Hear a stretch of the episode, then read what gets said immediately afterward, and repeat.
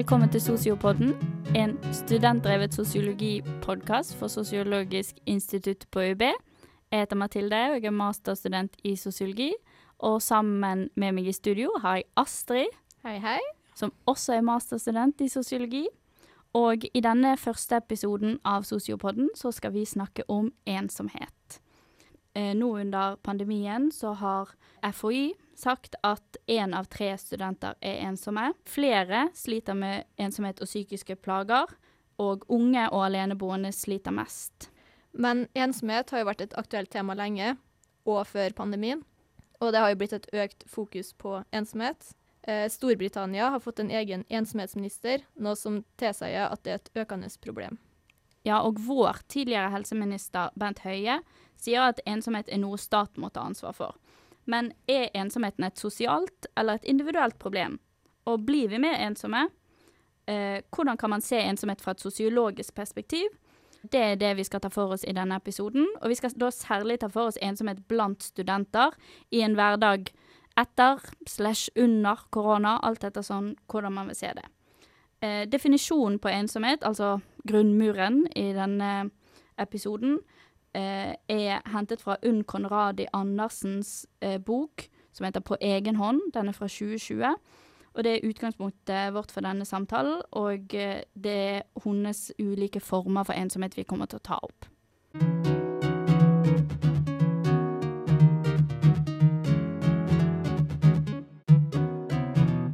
Vi kan jo begynne samtalen om ensomhet med å prøve å definere ensomhet. Og da har vi gått for definisjonen en følelse av fravær av ønsket kontakt eller som savn etter menneskelig intimitet.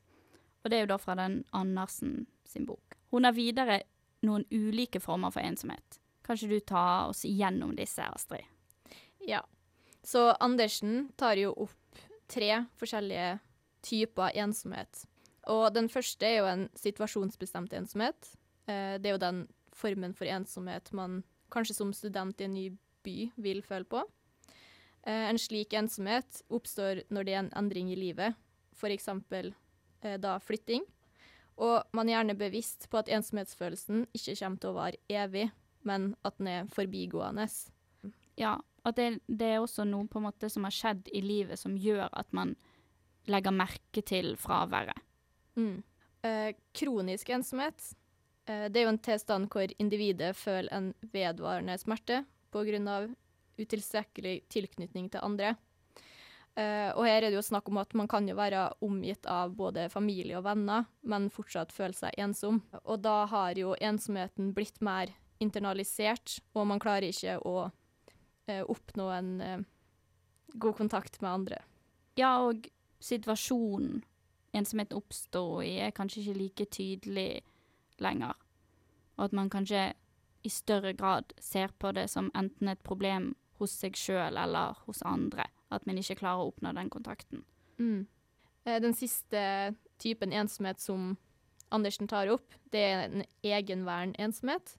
Og det er jo en form for selvvalgt ensomhet. Ja, hun har egenværen er en eh, oversettelse hun har gjort fra det engelske ordet 'solitude', som eh, er mer positivt ladet, da. Der på en måte ensomhet er fravær av noe man ønsker seg, så er solitude, eller egenværen, et valg man har tatt om å være aleine. Og da er det jo naturlig å gå inn på et viktig poeng, som er det at ensomhet er kulturelt distribuert. Altså at kulturen og normer i samfunnet sier noe om på en måte hvordan man skal leve, og hvilke eh, liv som er verdifulle, da.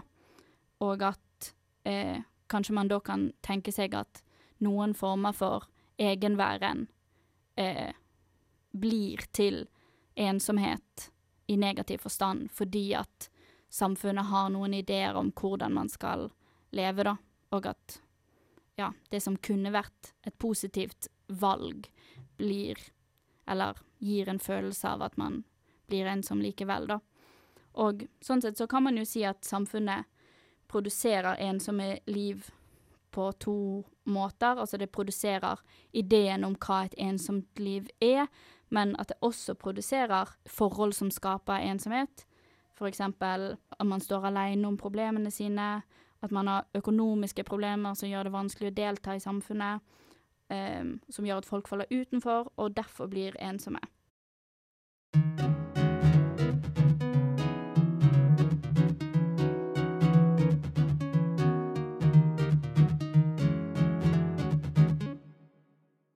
For å gi oss noen kloke ord fra staben om ensomhet, har vi snakket med professor i sosiologi Atle Møen ved Sosiologisk institutt her på UiB. Dette å være ensom, ensom, det er jo i sosiologisk eh, forstand det er jo et interessant tema, selvsagt. Det å være ensom eh, betyr jo å eh, selvsagt være avsondret fra fellesskap. Men én ting med dette med å være ensom, som ikke tenker på, det dette å, kunne være ensom og være aleine. Som, som å være moden det er jo en fantastisk kompetanse, individuell kompetanse. Dette egenskapet, evne til å være og aleine, det er en, en, tegn på myndighet. Og, og rent sosiologisk, hvis mennesker ikke har den der kompetansen å kunne være aleine, så oppstår det en del patologiske fellesskap. F.eks. avhengighetsforhold i kjærlighetsforhold du knytter til et annet menneske fordi at du, du ikke klarer å være alene. Du kan knytte deg til et, um, en karismatisk leder i beundring, eh, underdannelse av en karismatisk leder. Du kan knytte deg til en masse mennesker. Varme det på andre mennesker fordi at du er uselvstendig det, det mest ensomme mennesket er kanskje de mennesker som ikke har den egenskapen, den kompetansen, å kunne være alene. Det er en side av, av, denne saken som vi kanskje ikke så ofte tenker på. Og dette betyr jo at ensomhet Det kan jo oppstå både i et tett bygdesamfunn og, og i et massesamfunn, et bysamfunn. For det er ikke kvantitet, det er kvaliteten på relasjonene. Du kan være ensom i lag med andre mennesker fordi at du mangler denne egenskapen å, å være aleine. Det mest ensomme mennesket, det som er virkelig ensomme mennesket, det er det umodne, narsissistiske mennesket. Det som mangler egenskapen å være alene. Og en reaksjon på den totale avgrunnsdype ensomheten, det kan jo da føre til fanatisme, terror, voldsbruk. Det er en, en, en, eh, en reaksjon på denne avgrunnsdype ensomhet. Eksempel Anders Behring Breivik. Han var, han var en person som var sannsynligvis patologisk ensom. Og Einstein på den måten at han hadde ikke egenskap å, å, å, være aleine, på sett og vis. Han måtte knytte seg til noe større, noe sak utenfor seg sjøl. Den her patologien i ensomheten som fører til vold, er, skremmende. Det er et tilsynelatende paradoks at det, at det at ensomme mennesker de har ikke den egenskapen å være alene. De må knytte seg til noe som større seg sjøl, uten kollaps av. Og disse som utfører skolemassakre, er, er, er, sannsynligvis en totalt ensom menneske. Som ikke mangler denne Som ikke har den kompetansen å være alene.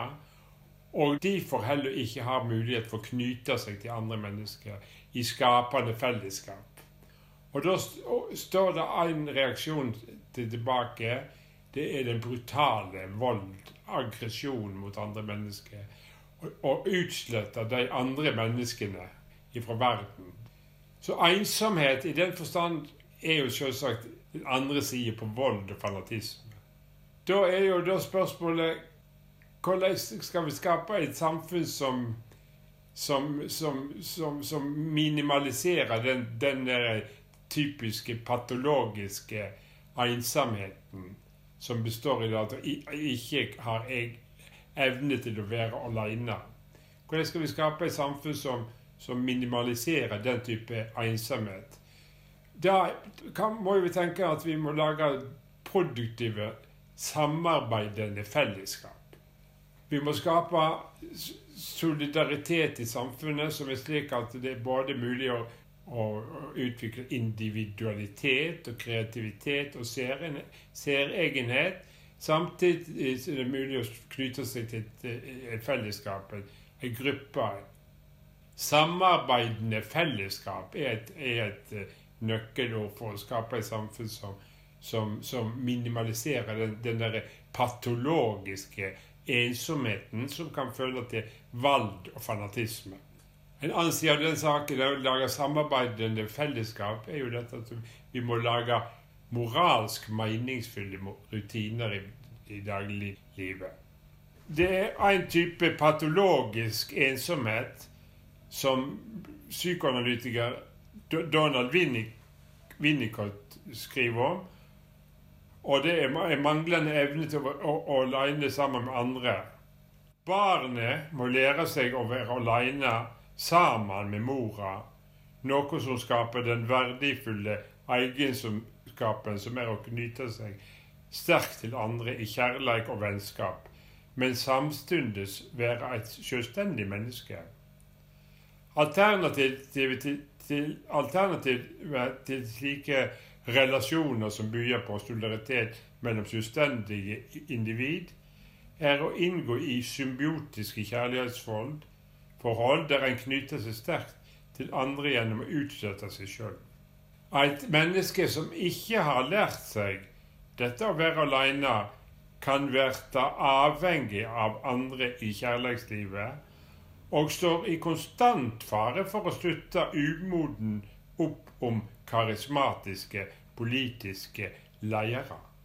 Derfor er denne evna til å være alene en grunnleggende kompetanse for myndige mennesker.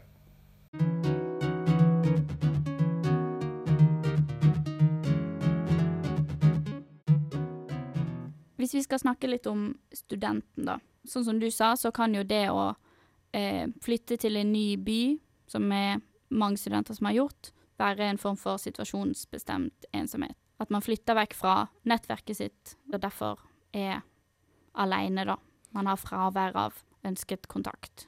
Ja, absolutt. Eh, jeg flytta jo til Bergen i fjor, og eh, flytta jo vekk fra hele mitt sosiale nettverk, bortsett fra ei venninne.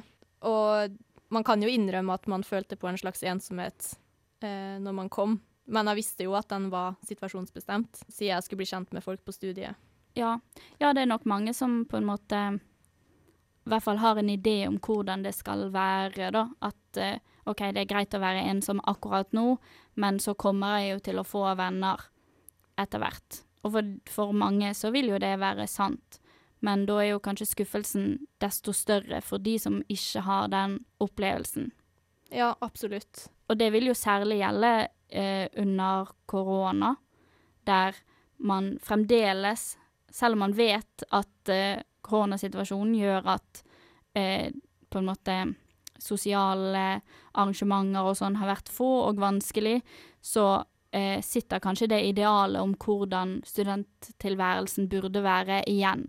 Så på en måte Det idealet eksisterer fremdeles i en og skaper fravær, selv om man egentlig vet at det kommer til å gå over, og at akkurat nå så må det være sånn. Det er kanskje lett å eh, internalisere likevel. Mm. Ja, det er jo lett at det går over til en slags kronisk ensomhet, eh, på tross av at man i utgangspunktet vet at det skal gå over. Ja. Ja, og det tenker jeg er, er viktig, at liksom hvis, hvis den situasjonsbestemte ensomheten ikke går over, da, eller hvis det varer over tid, så tror jeg man står i fare for at den blir kronisk. Og den kroniske ensomheten, sånn som den er beskrevet i boken, den minner jo om liksom når ensomhet går over i en psykisk plage. Aksel Sjora, eh, professor i sosiologi på NTNU, han skiller nettopp mellom utenforskap, som liksom sier noe om samfunnsstrukturen, at individet står utenfor samfunnet, eh, fra ensomhet, som er på en måte mer den individuelle følelsen. av ensomhet. Ja, og en sosiolog som eh, har sett eh, ekstra på strukturens innvirkning på individet, det er jo klassikeren eh, Emil Durkheim. Han la jo fram begrepet anomi, som er en samfunnstilstand hvor sosial sosiale normer eh, er blitt svake. Uh, og den tilstanden skjer jo når uh, samfunnet endrer seg raskt. Eh, og jeg vil jo si at koronapandemien er et ganske godt svar på et samfunn i rask eh, endring. Det mange har opplevd på, er jo et innskrenka handlingsrom, siden strukturen rundt har blitt mindre. Eh, og da har handlingsrommet blitt mindre. Mange har jo mista møteplasser, sånn som at skolen har vært stengt, idretten har vært stengt. Uh, og flere har òg stått uten jobb. Og man kan jo lure på om dette har ført til en ekstra stor følelse av meningsløshet eller en slags fremmedgjøring i samfunnet. Ja, så man kan jo si at dette utenforskapet som Sjora snakker om, kan føre til anomi. Og så kan man jo også håpe at uh, denne formen for ensomhet, eller denne produsenten av ensomhet, vil bli bedre etter hvert, da. Ja, nå har jo eh, ting begynte å åpne igjen, og det er jo egentlig åpna igjen i Norge. Mm. Eh, Og det som er positivt med eh, denne byen, som eh, mange er ny i, er det at, eh, som Andersen snakker om i sin bok, er det at eh, konteksten og liksom byens infrastruktur er mer åpen, sånn at det, det kan være lettere å henge seg på, fordi at det er flere ting som skjer da, nå når det åpner. Men samtidig så kan man jo på en måte argumentere for at man kanskje føler seg enda mer alene når det føles som at alle er meldt på, bortsett fra en sjøl. eh, og selv om samfunnet har åpna igjen, og man kan gå på fest og forskjellig, så er det jo ikke slik at man eh, på magisk vis har veldig mange å henge med, om man ikke har fått en sosial omgangskrets under koronaen. Ja, og dette vil jo særlig være for de som ble, var nye studenter akkurat under korona, da, eller har byttet studie under korona, og eh, ikke har fått dannet seg det nettverket pga. digital undervisning. Og eh, nå var det jo faktisk faderuke begge årene, men eh, likevel at man kanskje ikke har fått opprettholdt den kontakten man fikk på fadderuken.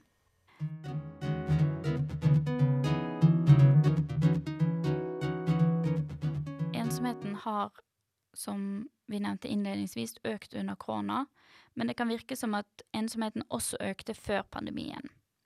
Norsk sosiolog og forsker for SSB Anders Barstad uttalte seg ofte i media om at det ikke var noe statistisk grunnlag for å hevde at ensomheten øker i samfunnet. Det er jo litt interessant, for det er jo likevel noe som gjør at vi har snakket om ensomhet så mye, og at man kanskje får et bilde av at han har økt. Og det kan jo være fordi at det passer med en idé man har om at individet står mer alene i dagens samfunn. Eller så kan det jo være at, at man har gått fra en tid der man så på ensomheten so som et sosialt problem, til en tid der individet sto mer alene og ensomheten var et individuelt problem, og så tilbake igjen til at man ser på ensomhet som et sosialt problem igjen. Eller så kan det være som idéhistoriker Tromberg Berg Eriksen sier, at fordi at individet står mer alene, så er ensomheten tyngre å bære i dag. Um, men samtidig så er det også noen som hevder at ensomhet er eh, noe som individet sjøl tar tak i. I Andersens bok så er det Lars Fredrik Svendsen som eh, står for dette synspunktet, som er eh, filosof, og som mener at, eh, at eh, ensomhet er noe individet sjøl må ta tak i, og eh, at den, de må gå i seg sjøl. Men eh, her er det på en måte tydelig at når han sier at individet skal gå i seg sjøl, så mener han de som av en eller annen grunn føler på en avstand fra andre, selv om det ikke er en avstand der. At eh, det er folk med f.eks. dårlig selvtillit, eller andre ting som de har på en måte internalisert. Em, så hvis vi på en måte skal Hvis vi skal trekke noen konklusjoner ut ifra dette, Astrid, hva kan vi si da? Ja, jeg vil jo si som et individ så vil man jo alltid ha et visst ansvar for sin egen situasjon. Men det blir for svakt å skulle si at dette er bare et individuelt problem. Ja, særlig når vi vet at ensomhet kan knyttes til økonomi, f.eks. Ja.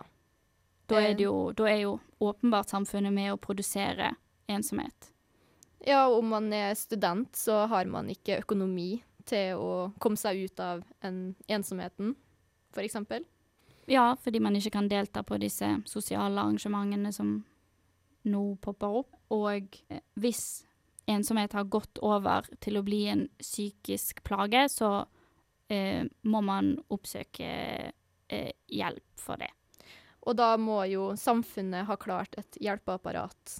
Ja, Eh. og særlig lavterskeltilbud. Ja, særlig det.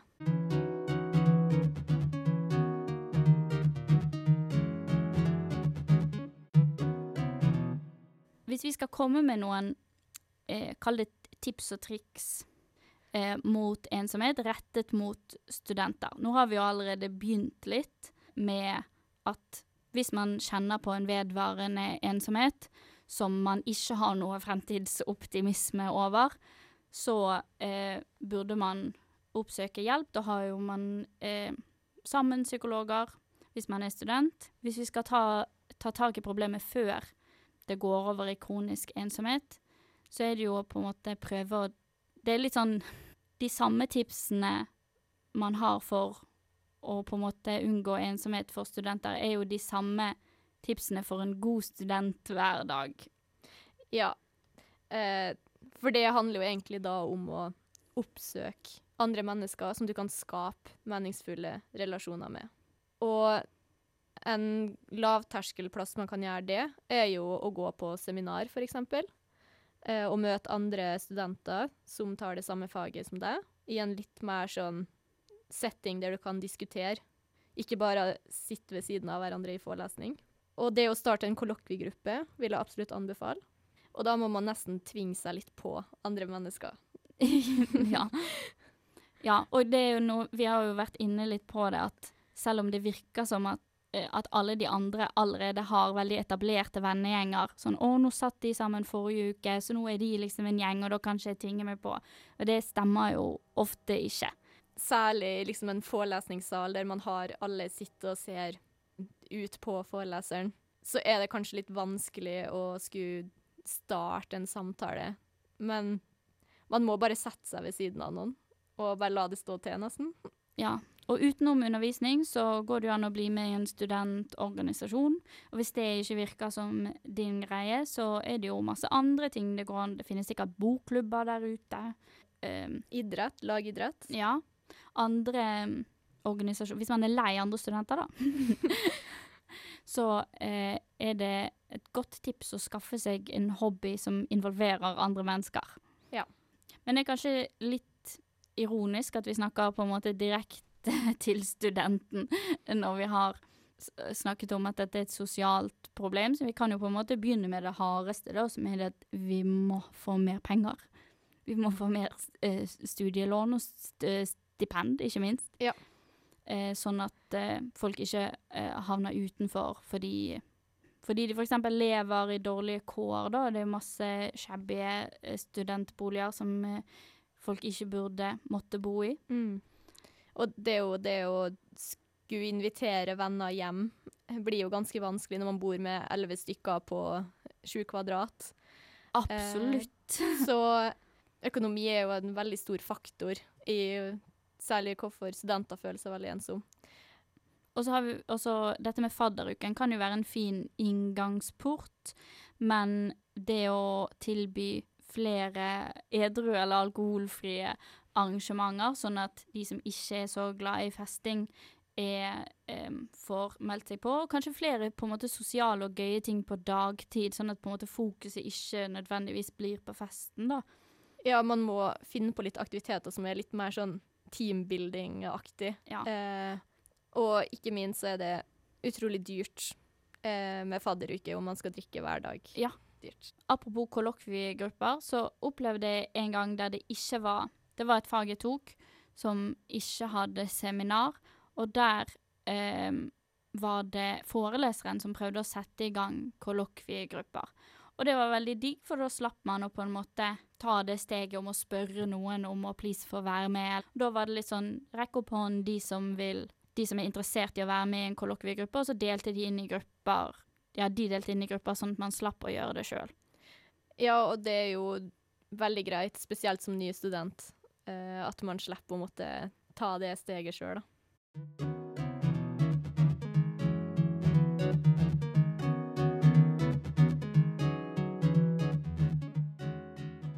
Det på tide å runde av denne episoden.